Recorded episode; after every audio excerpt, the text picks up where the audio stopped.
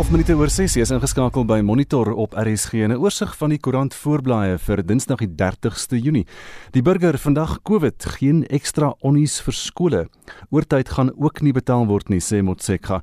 Die skole wat deur COVID-19 geraak word, moet met hulle bestaande getal onderwysers klaarkom. En 'n foto van 'n stampvol taxi wat COVID-19 regulasies oortree en die mense sit daar met maskers ingeryg langs mekaar. Beeld vandag kenners sê word nou bekommerd en dit oor Gauteng se COVID-19 syfers. Die getal styg en die beddens is te min. Gautengers in hoë risikogroepe moet hulle self eerder in vlak 5 van die inperking plaas. En daar's ook 'n foto van restaurante steeds agter slot en grendel. Volksblad berig oor MT Steyn se standbeeld wond wat nie genees. Daar is nou 'n groot leegte voor die universiteit se hoofgebou in Bloemfontein en personeel en alumni is ontsteld. Oud koffsies verbreek hulle bande met die UV. Een so 'n alumnus, professor Pieter Labeskagni, stem nie saam met Dani Langner van die FHK dat ou standbeelde na enklawes verskuif word nie. Business Day sê Prosus het 120 miljoen rand of uh, seker meer as miljoen miljard om aan te hou groei en ook 'n berig oor Bosisiwe Mqobane se verdere bloedneus in die hof oor die Vrede Suiwelplaas sage en dan internasionaal op bbc.com die Chinese regering in Beijing keer die omstrede veiligheidswetgewing vir Hong Kong. Goed en is vinnige oorsig van vanoggend se nuus. Dis nou 12 minute oor 6 in Durban. Nuut Ronel Harris het monitor gekontak nadat sy afgekeur is vir 'n SASSA uitbetaling. Boonop kla sy sy is onseker oor die rede daarvoor en sê dat dit onmoontlik is om kontak met SASSA te maak. Maar hoor self wat Ronel gister aan monitor vertel het. Ek het verlede jaar Julie maand my werk verloor en omrede die man nie werkloosheidsversekering oorbetaal het nie, kon ek nie werkloosheidsversekering eis nie toe nou met die uitbreek van die COVID pandemie en die aanvraag van die R350 het ek geregistreer en nooit antwoord teruggekry nie, nie 'n SMS gekry om te sê of ek afgekeur is of goedgekeur is nie. En toe eers keer ek ook gaan navraag doen op hulle webwerf, sien ek ek is declined. En toe kom ek agter daar is so baie mense wat afgekeur was en ek kan nie verstaan hoekom nie. Dit ek gaan 'n bietjie grou en alles sê nie die vereiste vir aansoek is jy moet geregistreer wees by SARS en by werkloosheidsversekering, maar hulle sê nie verder wat hulle nagaan nie. So die dame verlede week praat oor die sopkom by in Kaapstad en sy noem van die 50000 mense wat hulle oor moet kos gee en hoe hulle sukkel ook om hierdie toelaat te kry. Dog moet myself maar wag 'n bietjie. Wat is die algemene faktor? Hoekom word ons almal afgekeur? En toe kom ek af op daardie persverklaring wat sê dat as jou naam verskyn Hulle sê of jy uitbetaling ontvang het of nie, hulle sê as jou naam verskyn, word jy afgekeur. En ek dink dit is so onregverdig want ek meen of die werkloosheidsversekering het ook 'n 4 jaar periode waarin jy nie mag eis nie. So as jy 4 jaar terug laaste betaling gekry het of 40 dae terug, dit maak nie saak nie omrede jou naam daar is, word jy outomaties afgekeur en ek dink dit is onregverdig want hoeveel ander mense wat nie belasting betaal nie of nie UIF betaal nie wat onder regering se radar vlieg, kan met ander woorde gaan aansit doen vir hierdie toelaat en hulle gaan dit kry al het hulle ander inkomste. Ek het geen inkomste nie. So hoe leef jy nou? My broer help my, as nie vir my broer was nie en ek het ook kerk wat my donasies bring en ek het 'n buurman wat vir my kos gee en wat vir my broodpak en vir my brood stuur. Ja, as dit nie vir my bure was en die mense om my en vir die kerk nie, sou ek nie kon oorleef nie. Soos dit is, het my eienaarbare tand bly my kennis gegee ek moet uit, want ek kan nie werk kry nie want ek is te oud vir die arbeidsmark en ek is te jonk om 'n gewone SASSA toelaat te kry. Wat nog te sê die bron van R50. Ek is regtig en ek is seker ek is nie enigste een nie. Ek is seker dat duisende mense wat dieselfde probleem het dit is nie net 'n geveg vir myself nie. Ek dink dit is 'n geveg vir almal daar buite wat sukkel om fondse te kry om te kan oorleef en dit is waar vir my waaroor dit gaan. SASSA antwoord nie e-posse nie. Ek het al 4 vir hulle gestuur. Ek het vir die DA 2 e-posse gestuur. Ek kry geen antwoord. Daar's niemand daar buite wat wil help nie. Dis hoekom ek vir julle gevra het asseblief kyk wat gaan aan dat ons geantwoorde kry want as dit net gaan oor jou naam wat verskyn, dink ek is baie onregverdig. As daar geen verder in diepte ondersoek gedoen word nie, dan is dit my baie onregverdig. Dit dan die mening van die 58-jarige Ronel Harris van Durban wat gister met ons gepraat het. SASSA se woordvoerder, Pasekalet Satsi, het nie gereageer op 'n versoek tot 'n onderhoud hieroor nie. Nou skui vanoggend ons luisteraars vraag op haar klagte en wil weet, het jy 'n soortgelyke ervaring gehad of vlot jou SASSA betalings?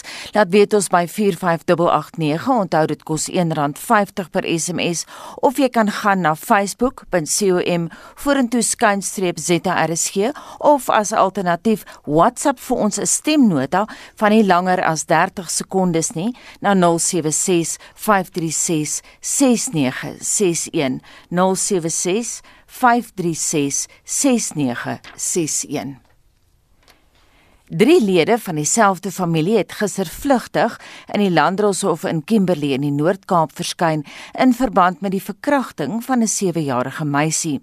Die man sal na verwagting op 6 Julie om borgtog aansoek doen. Neo Bodemela doen verslag. Tydens hulle verskyning het die drie mans om regshulp aansoek gedoen en aangedui dat hulle volgende maand om borgtog aansoek gaan doen. Die 7-jarige meisie is na bewering deur haar 60-jarige stiefpa en twee neefs wat 29 en 30 jaar oud is vir 6 maande lank seksueel aangerand op 'n plaas buite Kimberley. Die Noord-Kaapse woordvoerder van die nasionale vervolgingsgesag, Mojalefa Sinokotsani, sê hulle sal borgtog teenstaan. Considering the seriousness of this offense and looking at the, the age of the victim, a seven year old being victimized like this, it's obvious the NPO will be opposing bail.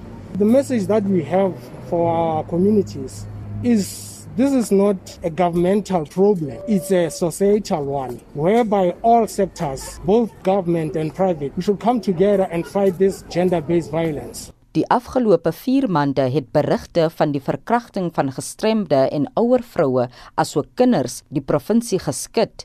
Die oudste verkrachtingsoorlewende is 78 en die jongste is net 4 jaar oud. 'n Noordkapse kapelaan, Des Fransman, sê onlangse verslae oor geweld teen vroue en kinders vereis dringende optrede.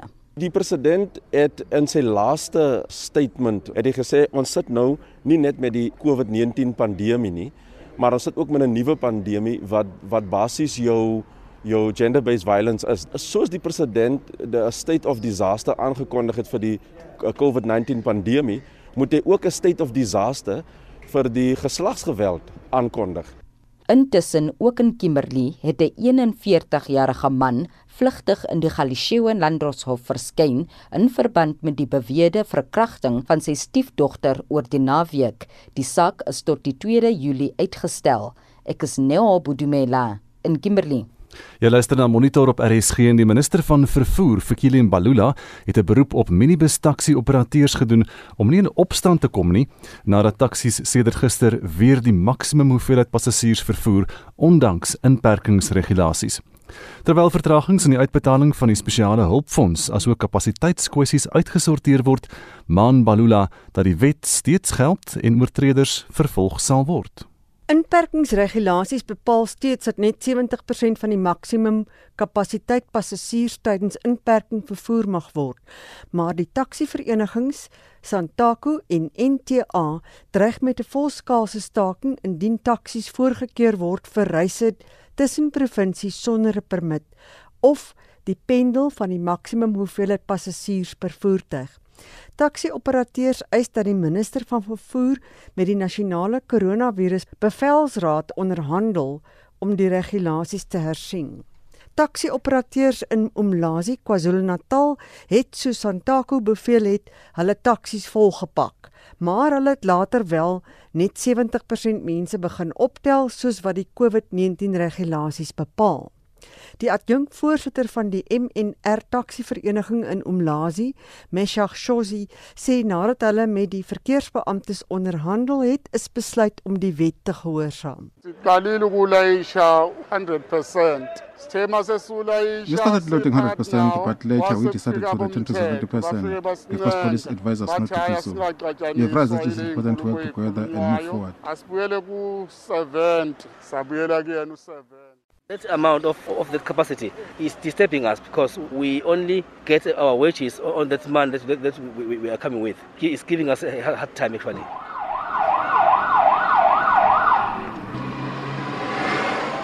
In Mpumalanga is die verkeer in die middestad van Mbombela ontwrig na die polisie en die taxi-operateurs gebots het. Taxi-bestuurders hier sê hulle kan nie hulle maandelikse paemente terugbetaal sedert die inperkingstyd begin het nie. Skala ngokuthi sinaklasha 2215 ngoba sikhona ubhadala imovu imovu sethi nema areas babhadala incwadi zofuna ukuthi lana. We want to operate at full capacity because the cars are on the verge of being repossessed. We shall observe the precautionary measures. In Limpopo het taxibase uit inlopend gereageer. Die organisasie sê sakebedrywighede is minder sedert die inperking en dat hulle bang is hulle voertuie sal teruggeneem word deur die finansiers.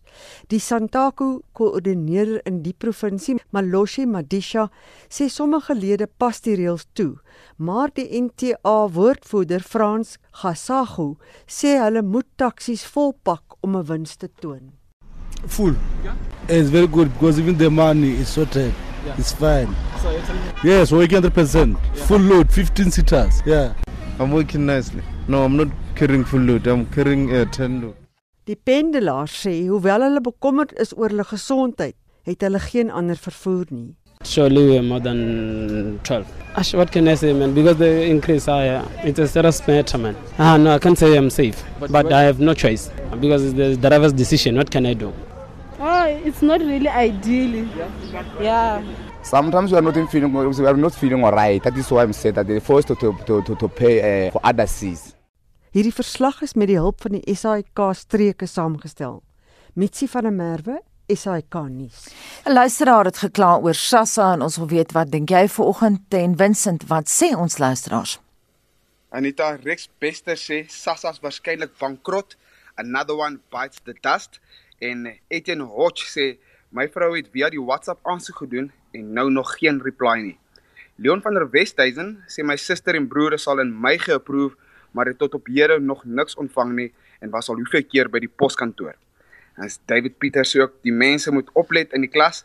SASSA se betalingsdatum het verander volgens groepe en jy wil net die reaksie daai hê nie. Hy hulle het hom verkeerd bewys aan die einde van daardie gesprek. Hy sê jo, jo, Jonathan Mitchell Ek en my ma was vandag om haar R350 by die poskantoor te gaan kry. My ma kry SASSA, maar moet elke 6 maande heraansoek doen daarvoor. Sy het 'n um, osteoporose en arthritis en met die inperking in werking mag sy eers weer aansoek doen nadat die inperking aansienliker gelig geword. Die dokter in hakkies, ehm um, wat haar moet ondersoek, is 'n safety officer, ook in hakkies, wat geen kwalifikasies het nie. Hulle sê haar kondisie is glo geneesbaar. Wynona Julie sê ek het al my aansoek gedoen via die USSD en tot vandag nog geen antwoord nie.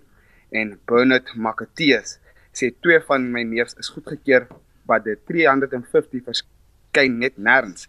Ek dink hulle wag seker om van die Gupta geld terug te wen voor daar betaal word is wat Bernard se mening. Dan 'n laaste een van Rachel Fortuin. Ek het ook al 'n SMS gekry wat sê ek moet my 350 gaan haal by die kantoor Ek was twee keer by die poskantoor, dan is daar nie geld nie. En net dat dit klink vir my, ehm um, meeste mense het maar probleme met hulle SASSA uitbetalings, maar luisteraars kan ook hulle mening vir ons stuur. Laat weet vir ons stuur 'n SMS na 45889 en dit kos jou R1.50 'n SMS of jy kan saamgesels op ons Facebookblad by facebook.com vorentoe skynstreep ZRSG. Maar jy kan ook 'n stemnota stuur, hou hom so 30 sekondes lank. Die nommer is 076 536 6961 Ek herhaal hom 076 536 6961. Dis 26 minute voor 7 en hier is Shaun Jooste met vanoggend se sportnuus. Ons fokus vanoggend op ranglyste en punteleer nuus. Op die Nieu-Seelandse plaaslike Super Rugby punteleer is die Blues die voorlopers op 12 punte, die Crusaders as tweede op 9, die Highlanders derde op 5, die Chiefs vierde op 2 en die Hurricanes heel laaste en het geen punte nie. Onthou gerus dat Australië is 'n plaaslike kompetisie die komende naweek afskop. Hulle toernooi bestaan uit die Brumbies, Rebels, Reds, Waratahs en ook die Western Force. Sokker. Die top 4 spanne op die Engelse Premier Liga punteleer is Liverpool op 86, Manchester City op 63, Leicester City op 55 en Chelsea op 54 punte met nog 7 wedstryde oor. Liverpool sal die trofee na al laaste tuiswedstryd kan lig. In Spanje is Real Madrid die voorlopers op 71 punte, Barcelona 69, Atletico Madrid 58 en Sevilla 54 punte na 32 rondes. Op die Italiaanse Serie A punteleer staan Juventus op 69 punte, Lazio het 65, Inter Milan 61 en Atalanta 57 punte na 28 rondes. Die Duitse Bundesliga seisoen is ook die naweek voltooi. Die kampioene Bayern München het op 82 punte geëindig. Borussia Dortmund was tweede op 69, RB Leipzig derde op 66 en Borussia Mönchengladbach vierde op 65 punte. Golf Die wêreld se top 3 manspelers is nou Rory McIlroy van Noord-Ierland, die Spanjaard Jon Ram en die Travelers Kampioenskapwenner Dustin Johnson van Amerika. Suid-Afrika se Louis Oosthuizen klim met een plek na 20ste, Erik van Rooyen bly 40ste en Christian Besaidnout val met een plek na 46ste. Tennis Daniel Evans het die Battle of the Bridge toernooi in Engeland gewen terwyl Jamie Murray en Neil Skapski die dubbelspel kampioene was. Op die ITS reeks of Ultimate Tennis Showdown punteleer na 3 rondes is die Griek Stefano Tsitsipas nou die voorloper op 5 punte.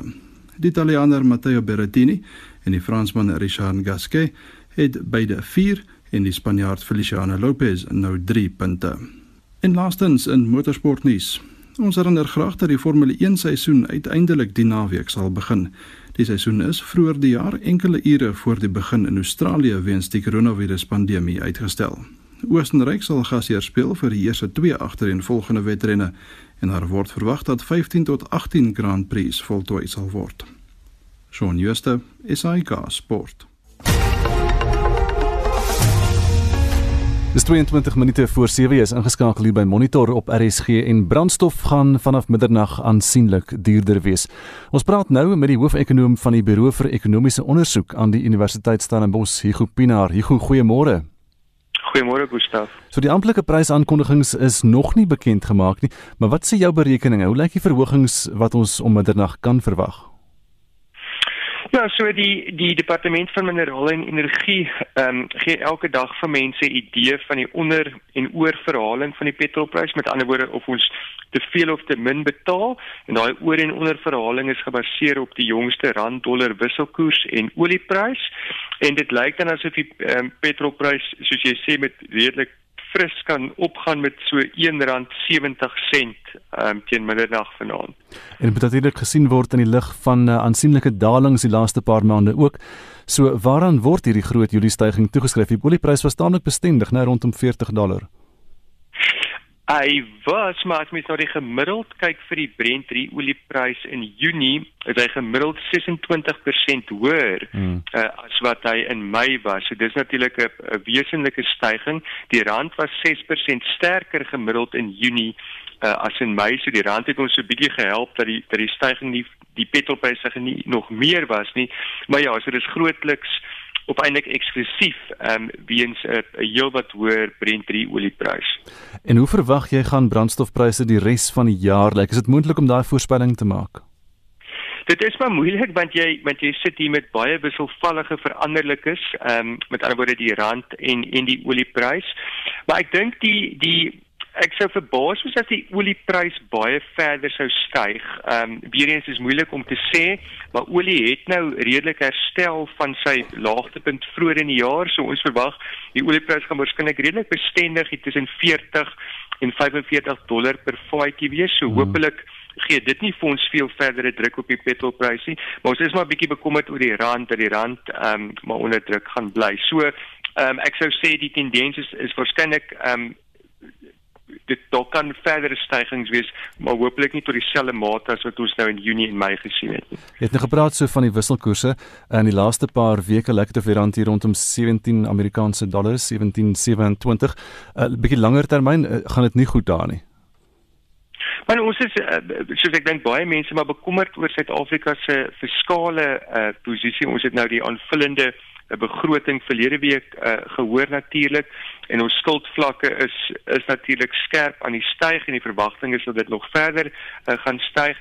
So ek dink selfs as die internasionale omgewing um, herstel na uh, COVID-19 is daar uh, plaaslike faktore wat mense sou dink uh, die rand maar maar redelik onder onder druk gaan hou uh, Gustaf. Hugo baie dankie dit was dan Hugo Pinaar die hoofekonoom by die Buro vir Ekonomiese Onderzoek aan die Universiteit Stellenbosch. Ja, luister na monitor dis 641.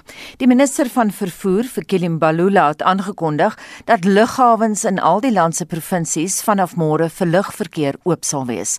Internasionale vlugte bly egter steeds taboe behalwe repatriasie vlugte wat deur die departement van internasionale verhoudings en samewerking goedgekeur is. Hy het egter nie gesê wanneer internasionale vlugte vir reisigers sal heropen nie. Lila Magnus het meer. Die minister van vervoer, Fikile Mbalula, het aangekondig lugrederye kan vanaf die 1 Julie weer etes op vlugte bedien mits dit vooraf verpak is. Hy het benadruk dat mense slegs vir besigheid mag vlieg en gevra dat reisigers 2 ure voor die vlug by die lughawe is. The following domestic airports will reopen from the 1st of July 2020. Bramfisher International Airport, Free State, Bloemfontein, Kruger Mpumalanga International Airport, Peter Pietermaritzburg Airport, Port Elizabeth International Airport, Richards Bay Airport, Skukuza Airport and Appington International Airport. Die George Lughawe is nog nie oop nie omdat dit nie die voorgeskrewe standaarde bereik het nie. Mbalula sê vliegtye kan ook weer vir landbou en opleidingsvlugte opstyg. Agricultural spraying, seeding and dusting, cloud spraying, seeding and dusting, culling, construction, aerial harvesting, aerial patrol observation and survey, aerial advertisement, search and rescue, uh, parachuting. Recreational aviation is permitted for proficiency flights provided that the flight is authorized by the South African Civil Aviation Authority and remains within the general flying area airfield or airport boundaries. Lugfotografie word weer toegelaat en toekomstige vlieëniers kan weer met hul opleiding begin. Mbalula sê die beskermingsmaatreëls wat hulle in plek gestel het sedert lugvervoer 2 weke gelede gedeeltelik heropen is, wys dat die manier waarop lugvervoer nou bestuur word, die verspreiding van die koronavirus beperk. Ek is Lila Magnus vir SAK nuus in Pretoria. 16 minute voor 7 en openbare gesondheidsspesialiste waarsku dat Suid-Afrikaners sogenaamde epidemie-uitputting ontwikkel het op 'n tydstip dat die land sy hoogtepunt van COVID-19 infeksies nader. Volgens hulle sal die epidemie-uitputting bydra tot 'n toename in die aantal nuwe infeksies. Mitsi van der Merwe het meer besonderhede. Die openbare gesondheidsspesialis by die Universiteit van Kaapstad, Dr Kern Beg, sê daar is mense wat nie beïnvloed is deur die siekte nie en normaal sosialiseer, terwyl die wat wel deur die pandemie geraak is, by die nuwe regulasies hou. Certainly, one of the challenges for us is what we can refer to as quarantine fatigue and epidemic fatigue, that people are tired of staying home. The fear factor kept people home in the early days. The risks are so much higher because they're starting to, to aggregate and congregate and socialize again. And that's probably the worst thing that we can do right now. We give the virus legs. The virus can't move without us as human beings moving and connecting up with other people. A senior navorser by die WNR, Dr Ridwan Suliman, sê die aantal nuwe infeksies neem drasties toe. Since level 3 lockdown, the last bit of the curve, the numbers are doubling every 13 days. That means that from 13 days ago up to now, our case numbers have doubled. What we do want here are higher number of days, which would correlate with a flattened curve, because lower number of days means a shorter time frame, which also means a steeper curve and a faster rate of growth. Volgens Suliman verdubbel die sterftesyfer elke 14 dae. Our deaths are also still increasing, but The good news is that in South Africa, the mortality rate has remained below 2%. We're currently looking at a case fatality rate of 1.9%, which is much lower than the global average, and that is good news for South Africa. Suliman, sowel as Beg, is bekommerd oor die toenemende aantal infeksies in die Oos-Kaap en Gauteng wat nou aan die Wes-Kaap gelyk staan. Hulle glo dit plaas groot druk op die gesondheidsorg soos hospitale in al drie provinsies meer mense moet opneem. The reality is, is that we will only know when the peak happened after the fact. The peak will come and we'll only really be able to say a week or two later that we've plateaued sufficiently. Our testing strategy didn't change during that time. We certainly know that the active cases in the Western Cape are plateauing. And so that gives us some hint that we are starting to head towards the peak now. But the reality is, as I say, that we have diagnosed very few of the actual cases that are likely to be present in the country.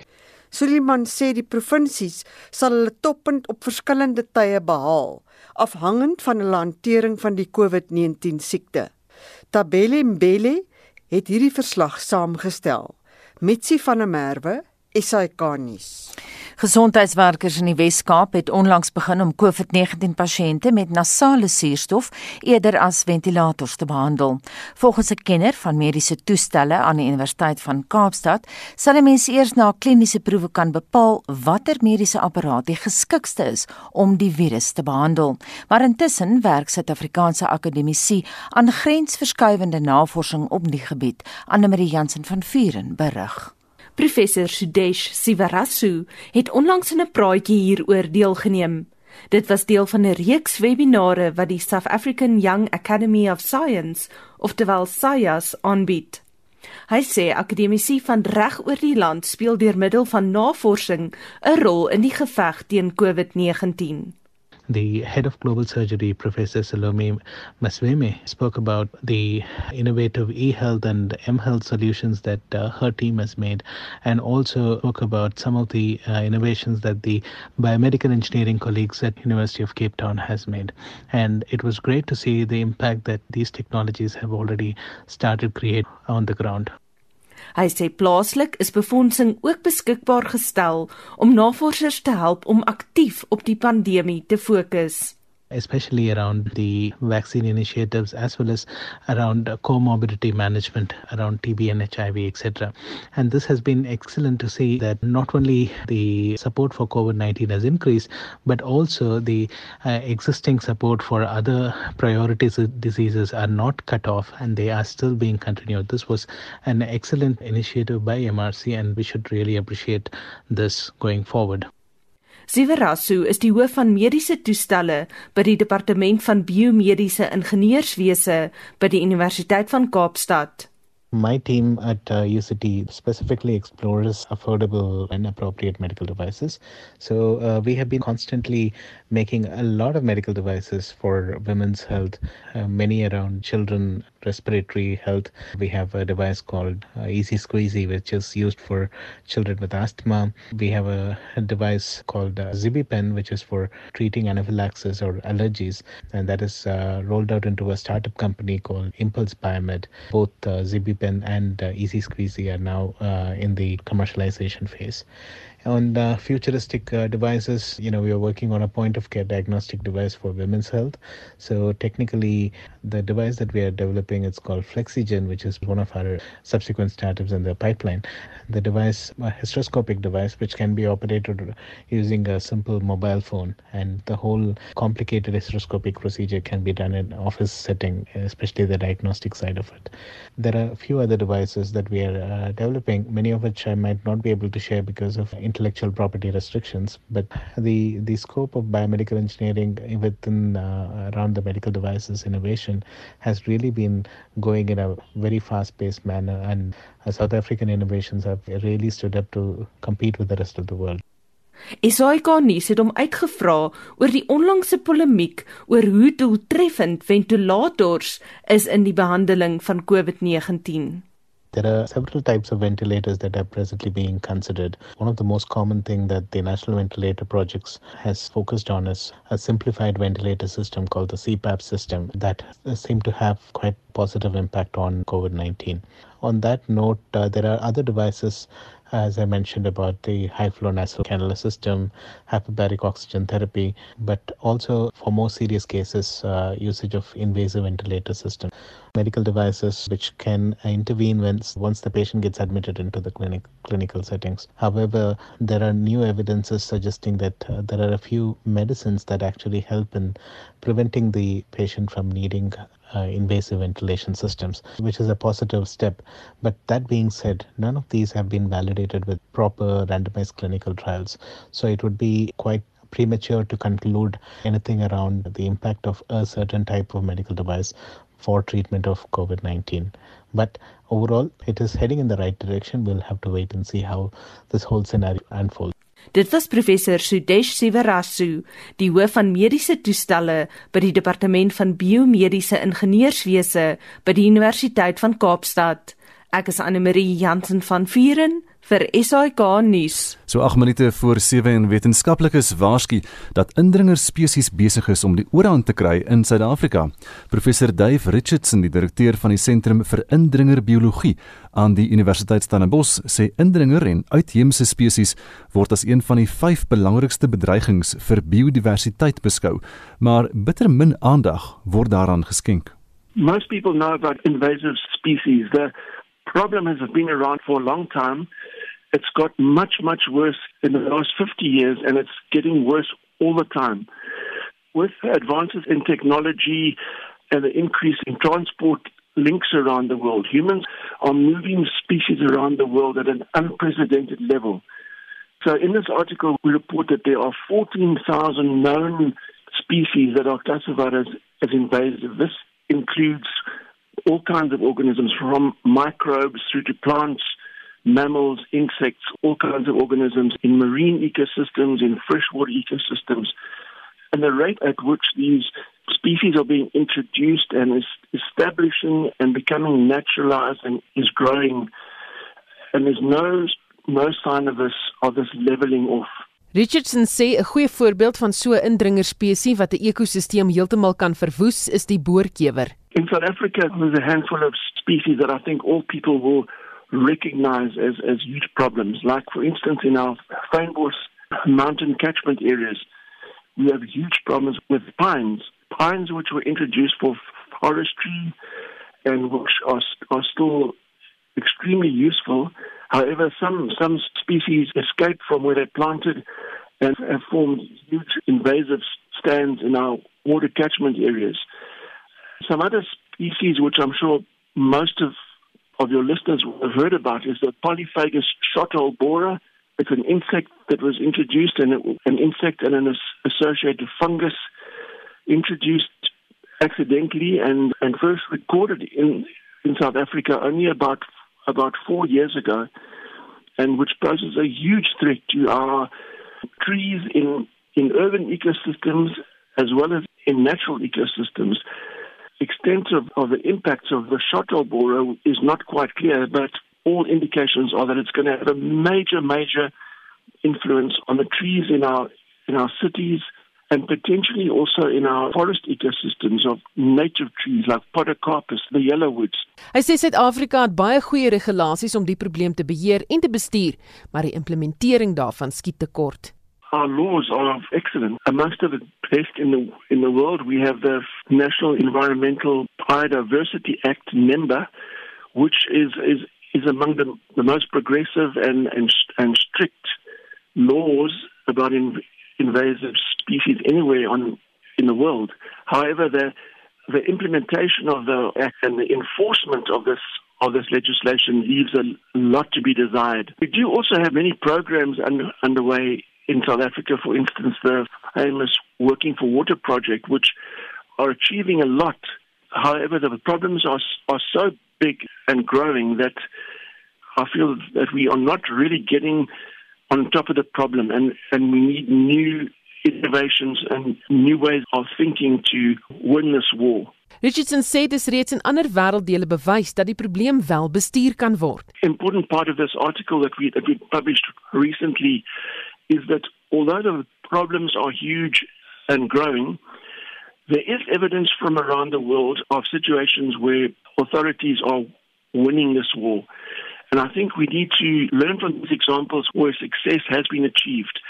So, another really essential issue is that, unlike many other types of environmental problems like climate change and overexploitation of resources and, and habitat modification, there is clear evidence that we can reduce or halt the worst impacts of, invaders if we really focus and prioritize on those species that are the worst, on those situations where where success is the most likely. Dit was dan professor Dave Richardson, die direkteur van die Sentrum vir Indringerbiologie aan die Universiteit Stellenbosch en Susan Paxton het met hom gepraat. Die Staatskapingskommissie het gister getuienis aangehoor dat die Passasierspooragentskap van Suid-Afrika, oftewel PRASA, die afgelope 5 jaar nie 'n behoorlike raad of bestuurshoof gehad het nie. Die voormalige voorsitter van die raad, Popo Molefe, het getuig dat sedert die voormalige bestuurshoof, Lucky Montana, se ontslag in 2015 kon die maatskappy nie sleuteluitvoerende poste by die organisasie vul nie. Molefe het getuig dat niks gedoen is om korrupsie by Prasa te ondersoek nie. We are responding to all these irregularities that have happened. Uh, and the results show uh, what effort we are making to achieve good governance. But your committee has so far not been interested in the exercising of its oversight. On the contrary, you allow the meetings of the committee to be chaotic. You, you allow members of the committee to attack management and directors and attack their persons. Molofo sê sy raad het in 2014 bewus geword van 'n groot tender van 2 miljard rand vir die modernisering van die Braamfontein depo. Hy het aan regter Zondo gesê dat die raad oor die tender mislei is deur Montana. Molofo het getuig dat Montana nie die versekering kon gee dat die tenderproses behoorlik plaasvind nie. Die raad het die tender gekanselleer en Montana het toe volgens Molofo magte van buite gemobiliseer om van hom ontslae te raak.